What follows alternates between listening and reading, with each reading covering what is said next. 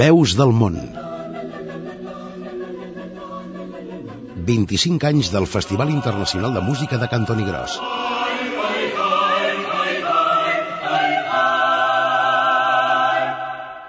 Amb Anna Jové i Albert Torrents. Us donem la benvinguda a l'hora de començar una nova edició de Veus del Món, disposats a parlar-vos durant gairebé una hora, com sempre, d'un nou aspecte del Festival Internacional de Música de Cantoni Gros, aquest any que el certamen arriba als 25 anys. Ho farem, no cal dir-ho, acompanyats d'audicions dels millors enregistraments fets en els mateixos concerts i competicions de Cantoni Gros i avui amb la companyia de Rosa Maria Oliu, perquè aquesta edició del programa la volem dedicar a explicar-vos tot tipus d'anècdotes que han passat en aquests 25 anys de festival. Abans de començar, deixeu que us saludem l'equip habitual del Veus del Món. Matilde Seoane i Dani Jiménez al control tècnic i Anna Jové i Albert Torrents a la redacció i al davant dels micròfons. I ara sí, entrem en matèria. Ho fem amb una història que fa referència a la manera com comencen totes les estades a Cantoni Gros, amb un llarg viatge. El primer any, un autocar va anar a buscar eh, a la frontera, perquè llavors les coses eren més difícils, va anar a buscar un grup de Iugoslàvia i va resultar que amb els trens arribava un, també un de Suïssa. Els suïssos van pujar a l'autocar. El guia que anava en l'autocar i que esperava els iugoslaus els hi va anar cantant excel·lències de Iugoslàvia eh, tot el camí. I, i a Olot, quan eren a Olot, eh, un d'ells ells els hi va dir, escolti'm, per què ens parla tant de Iugoslàvia si som suïssos?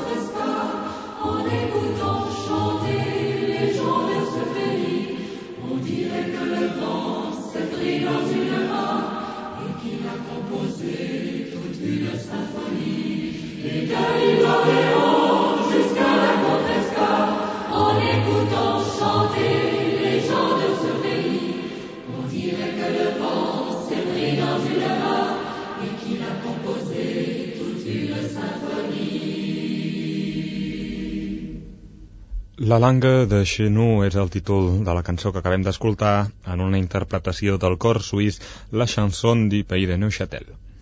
Hi ha un país que per als organitzadors del Festival de Cantoni Gros és sinònim d'una circumstància.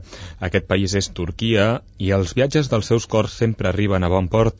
El que passa és que ho fan massa aviat. El dia abans, molta sorpresa, van veure que arribaven uh, un autocar. Això de fa com 4 o 5 anys. I és clar, com que tots som voluntaris i tots som de bona fe, eh? ai, pobres, després de, de, de tant de temps viatjant i tal.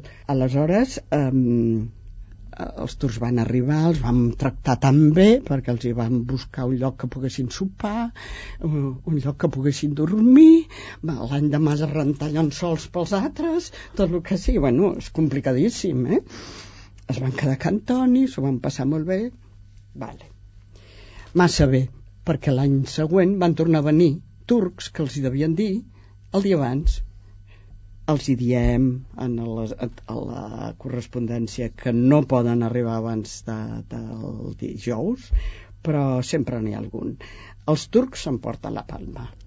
Un cop arribats a Cantoni Gros, només cal esperar que els grups reconeguin la bandera del seu país que els dona la benvinguda. Penjar banderes al revés ens ha passat diverses vegades eh, eh esclar, nosaltres tenim les, les banderes de, de tots els països i els posem, les posem a dos llocs, a l'entrada del poble i al camp, no?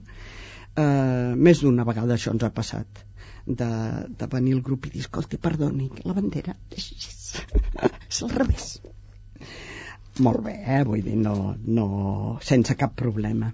Després sempre hem tingut eh, problemes amb la, amb la bandera espanyola. La bandera espanyola, els primers anys eh, érem així com una mica innocents en el que has sentit. I el primer dia hi havia la bandera espanyola i el segon dia no hi era. I, i tornàvem a posar-la i, i tornava a marxar. Mm?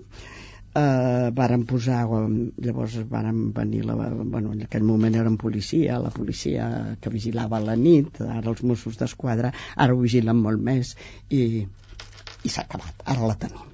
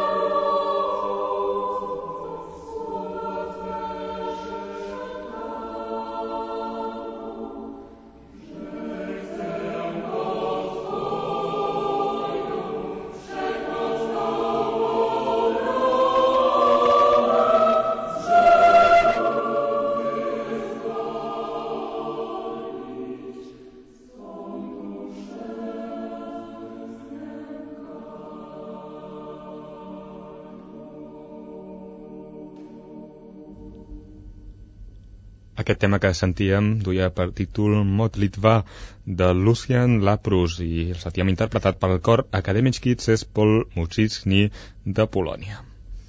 El Festival de Cantoni Gros es fa cada any durant quatre dies de la primera quinzena de juliol, unes dates en què, en principi, no cal patir per la meteorologia. Malgrat això, les recomanacions que l'organització fa als participants en aquest sentit solen resultar sorprenents. El contrast de temperatures penso que també és una cosa que fa una certa gràcia, no? Perquè quan nosaltres els diem que portin anoracs i arriben a Cantoni, es poden trobar amb les coses més... Eh, la, la, el clima de Cantoni és absolutament imprevisible, no? Es poden trobar que faci un fred capel al, al migdia i es poden trobar que estiguem a 40 graus. És clar, quan es troben amb 40 graus i venen amb anorac, no en tenen. Però a partir de que el sol es pon, es posen l'anorac. És eh, una, un clima tan diferent, potser tan poc eh, habitual en països eh, dels quals venen, que es queden com una mica descol·locats. És clar que no cal patir per passar fred ni calor si l'organització s'ha preocupat de procurar a cadascun un allotjament confortable. En alguns casos, a la comoditat s'hi afegeixen altres atractius. Nosaltres hostatgem a, als grups allà on ens sembla millor i en dues ocasions eh, vàrem jo diria descuidar-nos d'un matís, però en el fons estem contents que hagin conegut una experiència com aquesta. Vam enviar a dormir els holandesos al far, el far és a plenes guilleries, amb uns espadats tremendos. I hi ha unes finestres en l'hospederia que quan obres no veus res, veus els cingles. És clar, aquella gent es va quedar el, a la nit res, perquè no se'n van enterar quan van arribar, però al matí quan van arribar van obrir el finestre i van veure que no tenien res a sota per arribar com molt, com molt esbarats però molt eh, encantats de, del lloc on havíem estat. Eh? Però el primer dia se'm van portar un susto. També ens va passar amb els de Letònia. Eh, Letònia és un país que des de Riga, des del lloc més alt de Riga, veus eh, tot pla, absolutament. Al final de tot hi ha com un turonet i eh, per ells allò és la muntanya. I vam enviar van anar a hostatjar-se a Tabertet. Quan van tornar, el xòfer va dir que impossible tornar a fer aquella carretera que la carretera Tabertet és, una, és un seguit de corbes i, i a més a més en llocs que dius ai, eh? també són en plenes guilleries no? eh, els hi van posar un autocar nosaltres perquè aquell pobre xòfer estava, estava esbarat del que havia fet, havia fet tota una proesa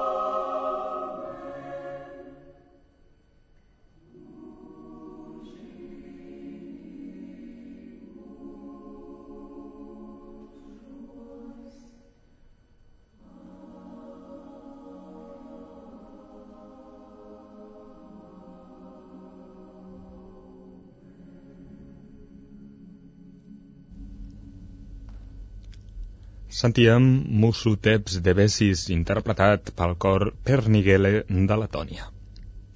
L'allotjament dels participants, bàsicament en cases particulars de Cantoni Gros i de molts municipis del seu entorn, és una de les característiques que han fet més popular el festival, però també un dels aspectes que ha propiciat un major nombre d'anècdotes. Bueno, una família va acollir a dos persones, un senyor i una senyora, i mm, van estar molt bé, molt agraïts a la família, encantats, a Cantoni mateix, tan agraïts que la... quan varen marxar els hi van donar una targeta perquè quan anessin a, al seu país, si algun dia hi anaven, estaven més que convidats a casa seva.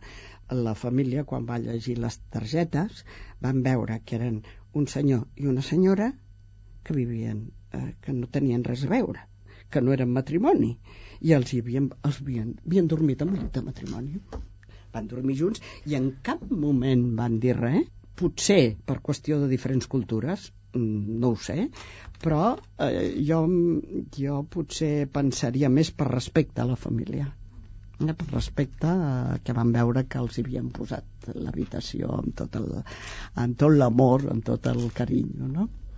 Bromes a part, el cert és que l'intens contacte que s'estableix entre gent de tots els àmbits i totes les cultures durant els quatre dies del festival es troba en l'origen d'algunes i no precisament poques històries d'amor. Com que d'aquest tema se'n pot parlar bastament, l'Anna Jové ha decidit dedicar-hi el seu reportatge en aquest programa.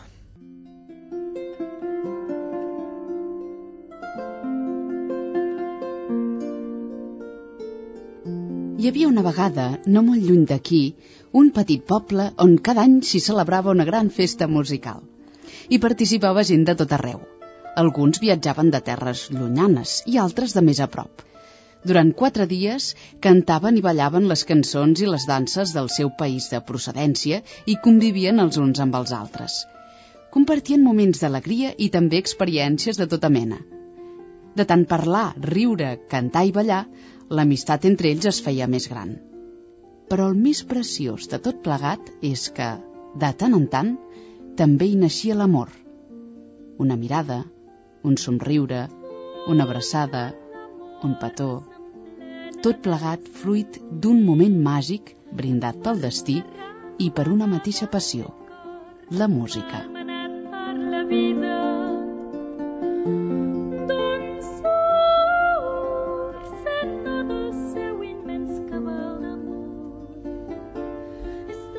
com si fos l'argument d'un conte per nens. Això és el que semblen les diverses històries d'amor que han sorgit a Cantoni Gros durant els seus 25 anys d'existència. És ben sabut que l'amor no té fronteres i que la música uneix pobles i cultures. El festival, el cant i la dansa han impregnat de romanticisme els camps i les muntanyes del poblet d'Osona. Han ajudat el destí a fer la seva feina i han creat matrimonis i famílies que de ben segur recordaran que Antoni Gros per la resta de la seva vida.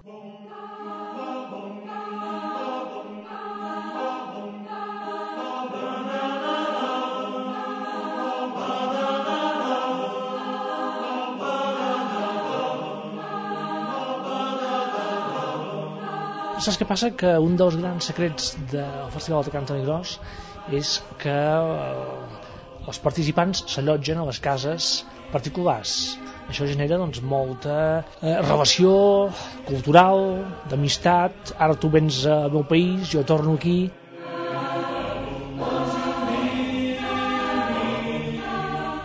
Xavier Vancells és farmacèutic. L'any 1985 feia poquet que havia deixat Vic, la seva ciutat natal, per obrir la farmàcia que actualment té a l'Esquirol.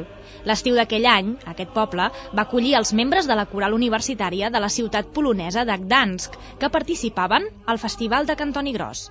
Malgrat no allotjar ningú, en Xavier va col·laborar activament en les activitats programades.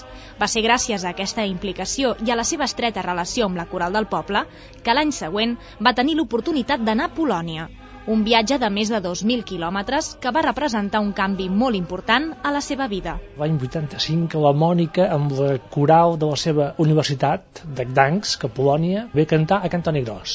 Jo en aquell moment no la conec. L'any següent, l'any 86, som invitats, la coral de l'Esquirol és invitada per la coral de la Mònica a visitar Polònia i a cantar a Polònia. Vam agafar l'autobús i cap a Polònia. I allà va ser on ens vam conèixer. Havíem d'arribar al migdia amb l'autobús, però a la frontera ens vam tenir parats, pel seu capritx, capritxo, allà, parats, i vam arribar a la nit. I el que havia de ser un dinar va ser un sopar amb espelmes, amb molt pocs medis que en aquell moment ells tenien però ens van donar tot. Aquella eh, universitat ens va tractar molt bé aquells quatre dies que vam estar allà i res, el primer nit, el primer sopar el vaig veure, a tots dos ens agradava la música i ens vam trobar gràcies a la música i al Festival de Cantoni Gros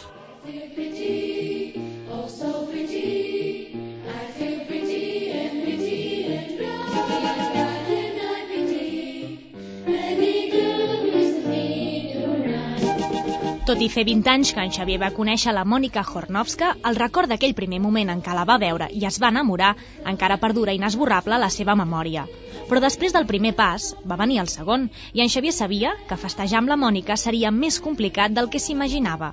La distància els separava, però van tenir molt clar des del principi que el que volien era estar junts i per això van anar per feina. Vam poder tenir un record perquè vam estar sortint abans de casar-nos 20 dies no 20 dies eh, de l'1 al 20, sinó que vam estar junts 20 dies des del dia que ens vam conèixer fins al dia que ens vam casar. La resta eren trucades telefòniques, sobretot trucades telefòniques i doncs intentar que ella pogués venir aquí, que va ser difícil en aquelles èpoques, però vam estar junts 20 dies, o sigui que des que ens vam conèixer vam tenir clar que doncs, ella vindria aquí i estaríem junts. Portem així 22, 20, 20 anys, 20 anys.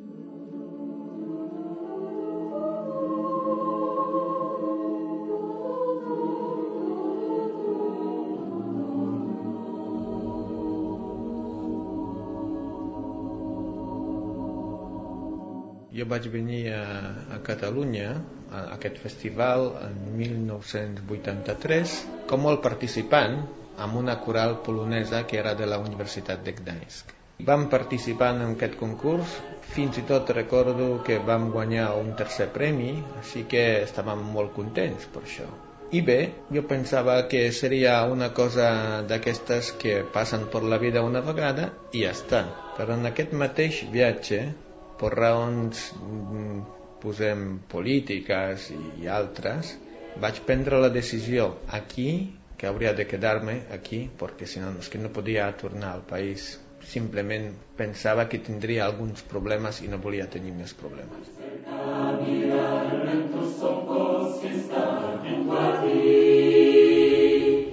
La història d'en Jurek Podlewski parteix del mateix punt que la d'en Xavier i la Mònica. Tal i com explica, ell també cantava a la coral polonesa de Dansk i va prendre una decisió, quedar-se a Catalunya. Per aquella època, viure a Polònia no era gens fàcil. El bloc comunista al dia a dia representava una lluita constant per poder sobreviure. Jo vaig tenir una infància bastant dura. Recordo que a casa meva faltava de tot. Sempre aquesta penúria, aquesta manca de tot. I després la universitat va ser una mica diferent, però tenia el seu petit món amb, el, amb els meus amics, amb la coral precisament, i era una, podríem dir, una via d'escape, no? perquè sense tenir recursos econòmics em permetia sortir del país i visitar coses, visitar altres països, veure molta gent, comença a tenir alguna possibilitat de comparar com és la vida a un altre lloc i a Polònia i vaig veure desgraciadament que a Polònia tot això era horrible horrible. Per sort vaig poder canviar i per tant sempre dic que vaig néixer aquí a Catalunya per segona vegada i aquest període sí que és un període per recordar.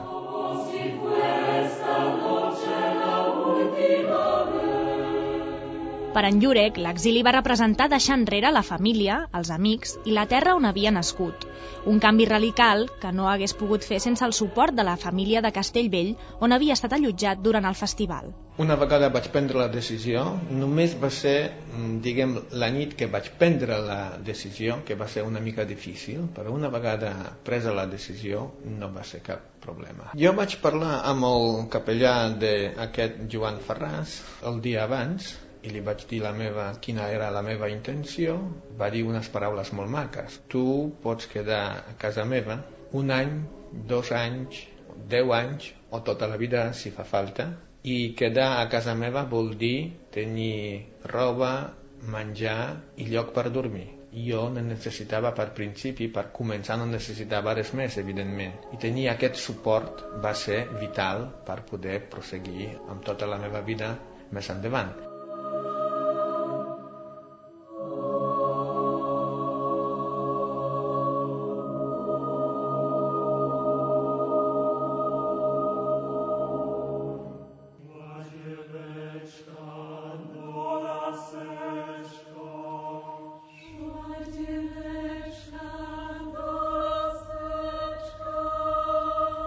Com a vegades sol passar, en situacions límit, els sentiments arrelen més profundament.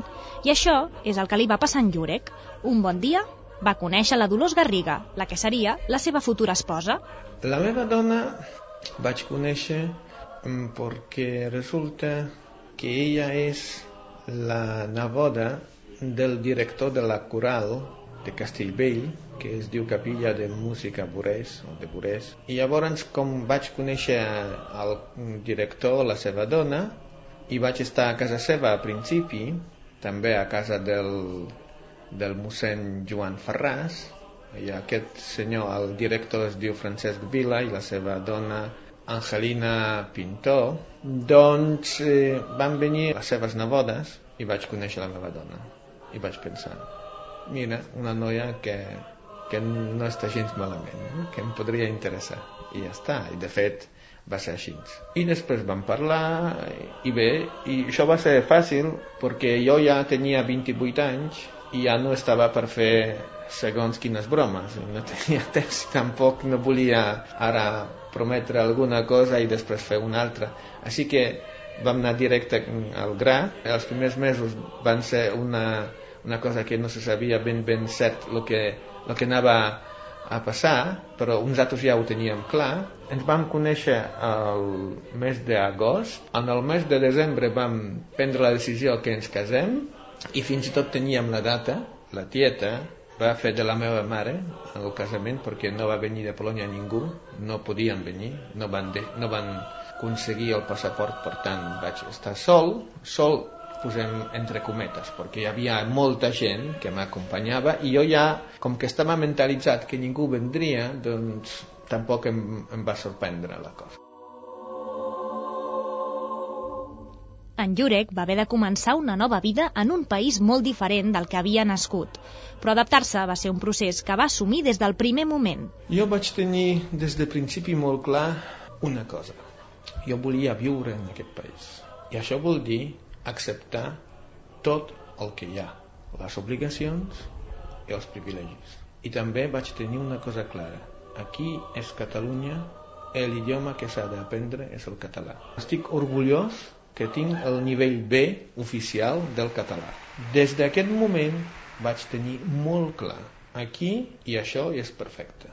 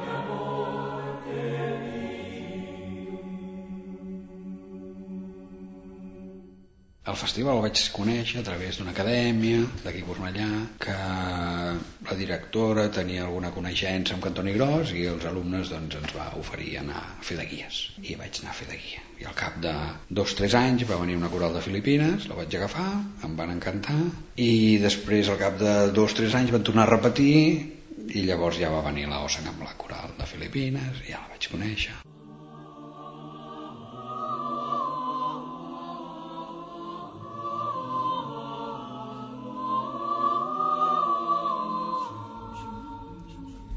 La història d'en Jordi Vilà i Losang Sánchez es remunta al festival de l'any 1997.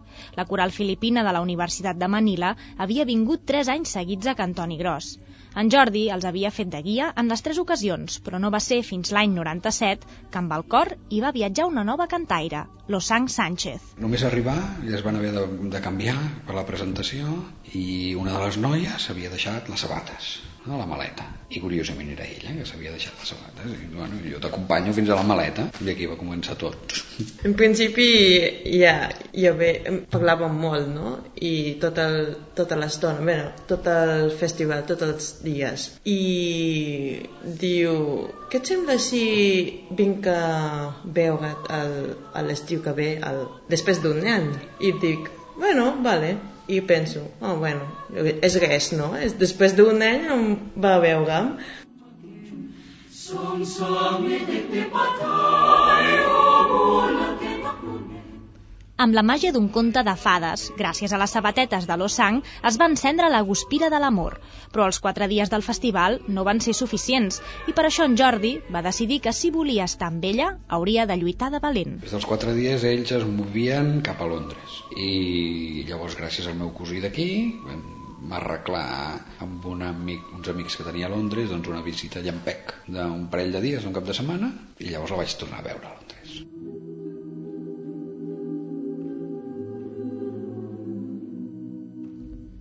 Després de Londres, la coral va viatjar fins al Festival d'Aberdeen, a Escòcia, i en Jordi també hi va anar. Elles estaven una setmana? No, 15 dies o 10 dies. Sí. I dius, bueno, a Aberdeen 10 dies doncs ja és més temps. Jo torno cap aquí i jo, aquesta vegada sol, ja vaig anar cap a Aberdeen. sí, en el moment a Londres, a Escòcia, he pensat, ah, sí, m'agrada ser el meu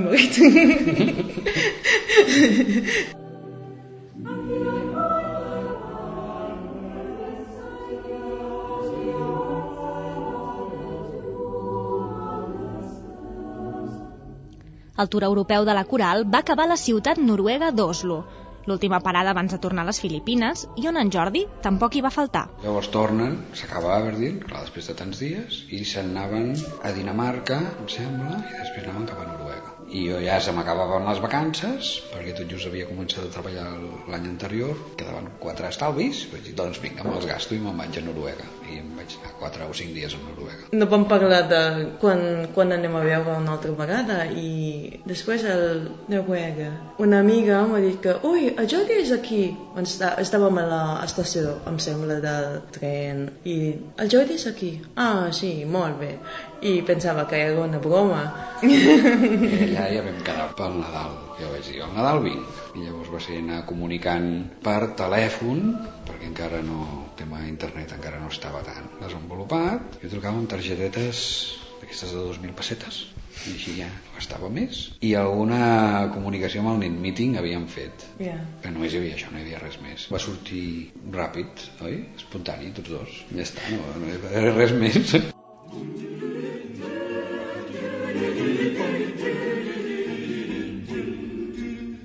Després de totes les peripècies i d'un munt de viatges en avió per tota Europa, en Jordi i Losang es van tornar a trobar a les Filipines per Nadal.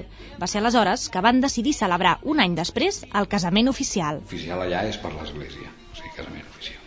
Però clar, s'havien de fer tots els tràmits i l'estiu següent, quan hi vaig tornar a anar, ja ens vam casar pel civil per tenir tots els paperats. Però tot això secret, perquè no es podia saber allà pot saber, primer a l'església i això va quedar amagat ja teníem tots els papers a punts pel Nadal doncs ja fer els quatre tràmits finals al cap de dos anys d'estar casats ja va sortir la Diua encara té sis anys Diua és nom tagaloc que vol dir el nom de les coses immaterials. Essència. L'essència de les coses. Té un nom i es diu. I ara fa un any, un any i mig, ja va néixer l'Oriol i ja som quatre.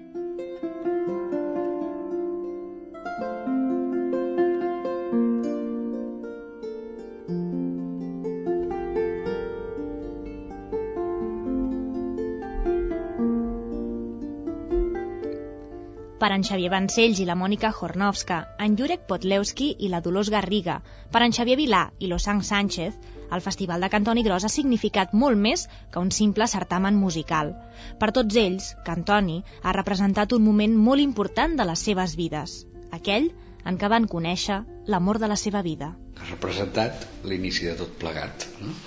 I anem el, cada any, el dissabte, és quan potser és una mica més divers amb les danses, la competició de danses, després el concert, trobem els quatre amics que hi ha per allà. Cada any l'esperes per aquells quatre dies que dura el festival, pujar-hi des de l'Esquirol de Antoni i passejar-te per allà, escoltar música, veure els vestits, veure com ballen, eh, escoltar les llengües que sents, veure si hi ha polonesos...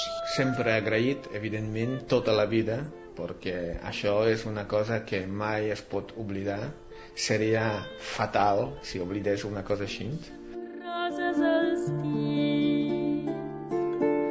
i sense L'amor havia nascut entre els dos. No volien separar-se mai més. Havien de deixar enrere tot allò que fins ara havien tingut, però no s'entristien perquè sabien que els esperava un futur meravellós. Només es necessitaven l'un a l'altre – Celebraven que el destí els hagués unit. Aquell estiu els havia canviat la vida. Per fi havien descobert l'autèntic significat d'estimar. I vet aquí un gos, i vet aquí un gat, que aquest conte s'ha acabat. Veus del món. Un programa de Catalunya Música per celebrar el 25è aniversari del Festival Internacional de Música de Cantoni Gros.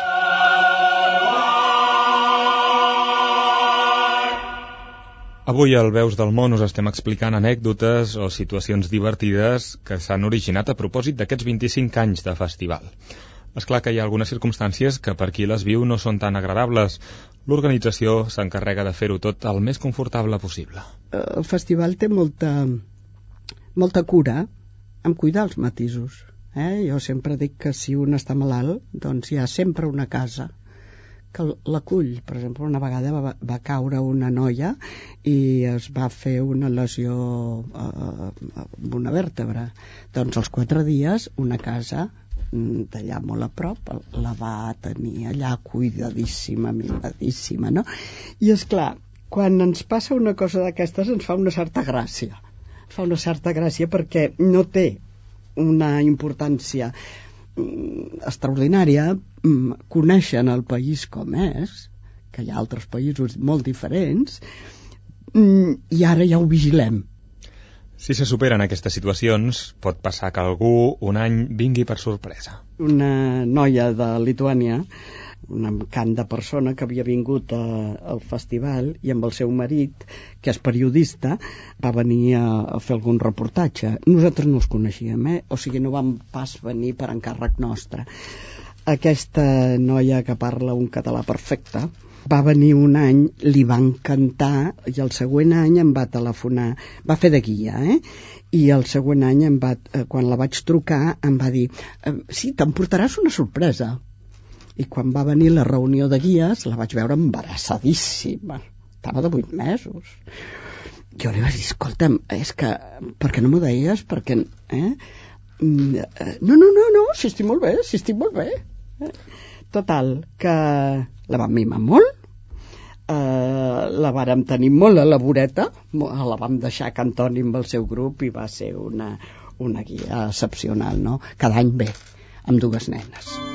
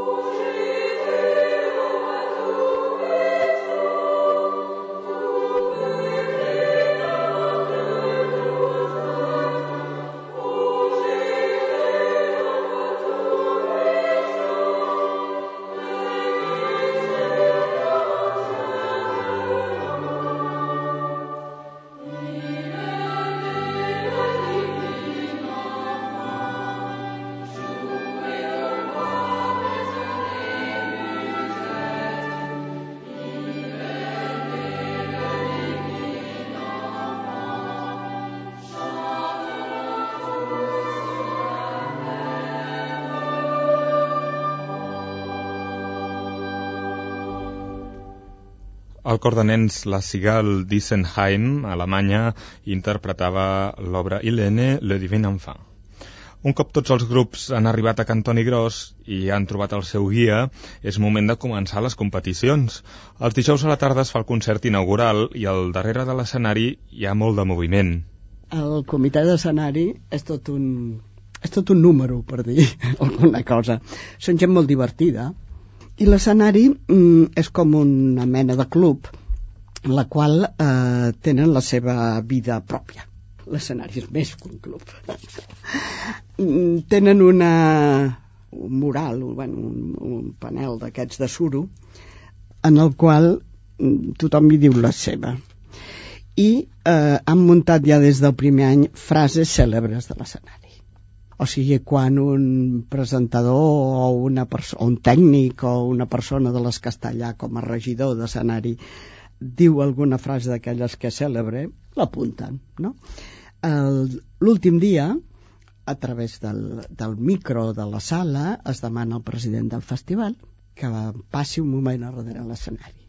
I llavors es donen els premis a les tres millors frases. Una vegada un presentador imprudent va deixar de pujar un, un any, per raons, òbviament, molt justificables, però com que era, eh, és un presentador que estimem molt i que el tenim molt a la vora i que mai ha fallat només aquell any, va pagar la imprudència. I, bueno, se li va escriure tothom passant per, per allà davant del suro, anava escrivint una frase en el presentador, la, el qual ha decidit no fallar mai més. I un cop dalt de l'escenari, els grups participants han d'enfrontar-se a l'obra d'interpretació obligada. Si aquesta és una sardana, per què limitar-se a cantar-la quan podem buscar algú que ens ensenyi a ballar-la? La marinada no en van tenir prou en cantar-la, eh, segons el ritme de cadascú, sinó que van demanar que els hi ensenyessin. I ho van demanar amb una senyora. A la tarda quan van haver ballat la sardana a l'escenari, aquest grup va donar eh, les, les gràcies a la persona que, que els havia ensenyat a ballar la sardana. Però resulta que n'hi havia dues que deia, es deien igual. Totes dues encantades. Un aspecte que molta gent que ha passat pel festival coincideix a destacar és l'efectivitat del comiat un cop s'acaba el festival. En el passat, però, van ser motius polítics els que van fer que alguns no tornessin als seus països d'origen el primer any va ser una... Bueno, a part de tots els problemes i de tota la quantitat de feina que vam tenir i de fer gestions diplomàtiques perquè vinguessin països de l'est, va venir un grup de Polònia. Aquest grup de Polònia es va hostatjar amb un poble a la vora de Cantoni i eh, jo crec que era un xoc molt important veure eh, un altre tipus de vida com era com era el nostre. Aleshores, aquest grup de, de Polònia, que era pues, com tots, 35, 40 grups, jo no sé com devia tornar a Polònia, amb quantes persones va tornar, però va resultar que al cap de 3 o 4 anys van sortir molts polonesos aquí a Catalunya que havien s'havien quedat per aquí. Jo crec que l'autocar va, va arribar amb el xòfer i algú més, i prou i cada dia en sabem d'altres. Se'n van quedar molts eh? i dic Polònia però també podria dir Cuba. Una, un Sant Jordi ens vam trobar un grup passejàvem per, per totes les parades ens vam trobar un grup de cubans que ens van dir oh, són de Cantoni. Diu, som aquí des d'aquell any. Przejasny sen na naszym polu błękitny len. Ktoś tam przechodząc, kwiat ręką trąca,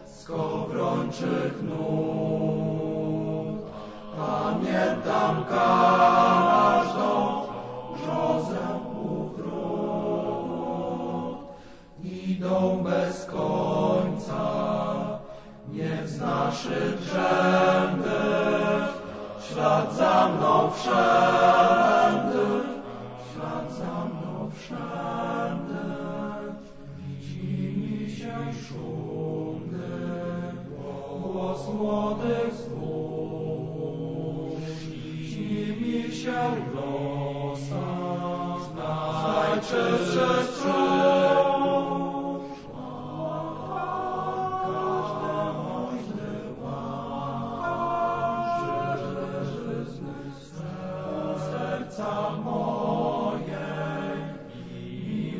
Ojcze.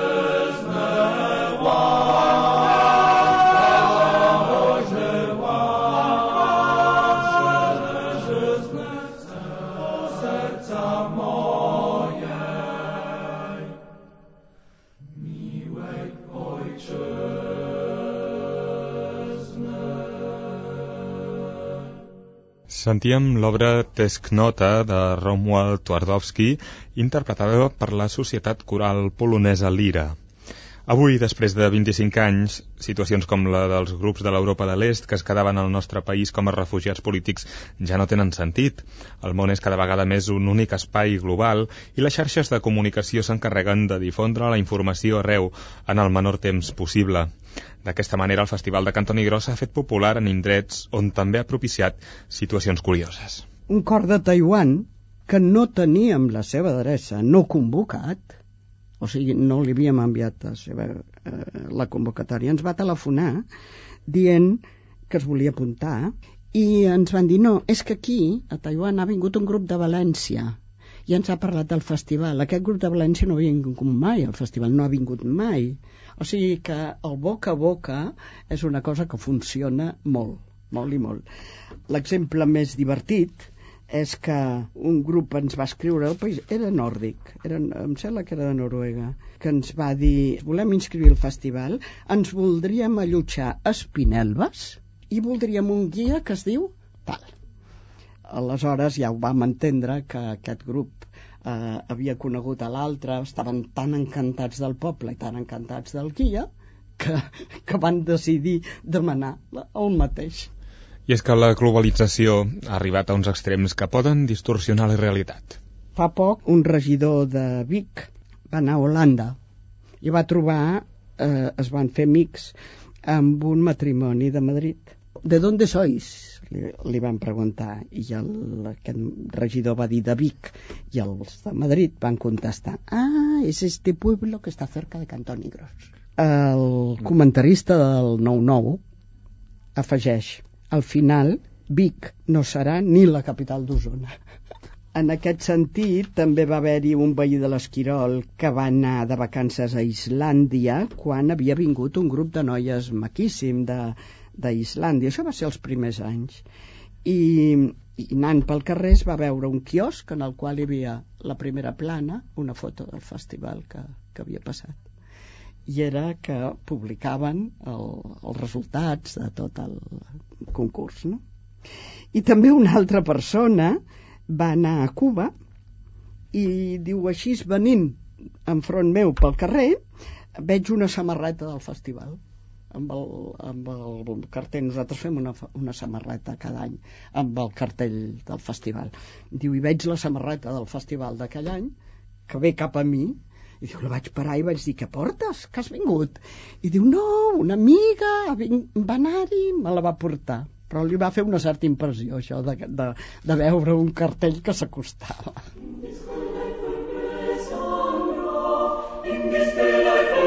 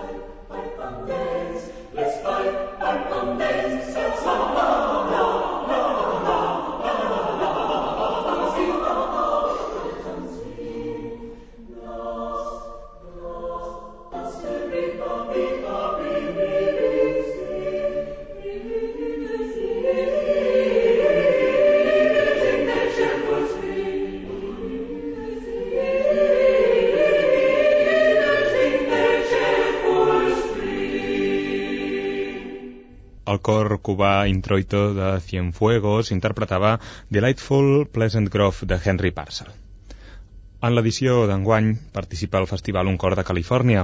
Per preparar l'estada i recollir fons per al viatge, el grup ha organitzat al seu país una festa catalana. Vam fer una festa per recollir diners per venir una festa catalana. Ens van enviar una revista en la qual s'anunciava Festival de Cantoni Gros, sopar, eh, sopar català, i, i el que es reculli serà per ajudar-nos a, a marxar. Després ens van, ens van dir que havien menjat arròs a la cassola, pa amb tomàquet i botifarra. Allà ho coneixeran tot. En definitiva, un recull de situacions espontànies i involuntàries, però enginyoses i sempre divertides, anècdotes propiciades per una organització que es preocupa especialment dels aspectes humans. Després de 25 anys, eh, jo crec que ja mirem molt això, perquè s'ha de cuidar els detalls. I aquí rau, eh, el, el, jo diria, l'èxit personal i l'èxit individual del festival, no? cuidar els detalls o sigui, aquests detalls que, que potser en un altre lloc doncs, eh, fet en una ciutat doncs, eh, és molt més difícil cuidar-los o sigui, aquest, el, el detall jo crec que és una de les coses que s'agraeix més és un aconteixement molt internacional però el que volem és també cuidar eh, individualment a les persones D'aquesta manera hem arribat al final del nostre temps. Aquí s'acaba aquesta edició de Veus del Món i ens acomiadem els que hem fet aquest programa. Matilde Seoane i Dani Jiménez, el control tècnic, i Anna Jové i Albert Torrents a la redacció i des dels micròfons. Gràcies, com sempre, per la vostra companyia i fins una altra ocasió. Veus del Món 25 anys del Festival Internacional de Música de Cantoni Gros.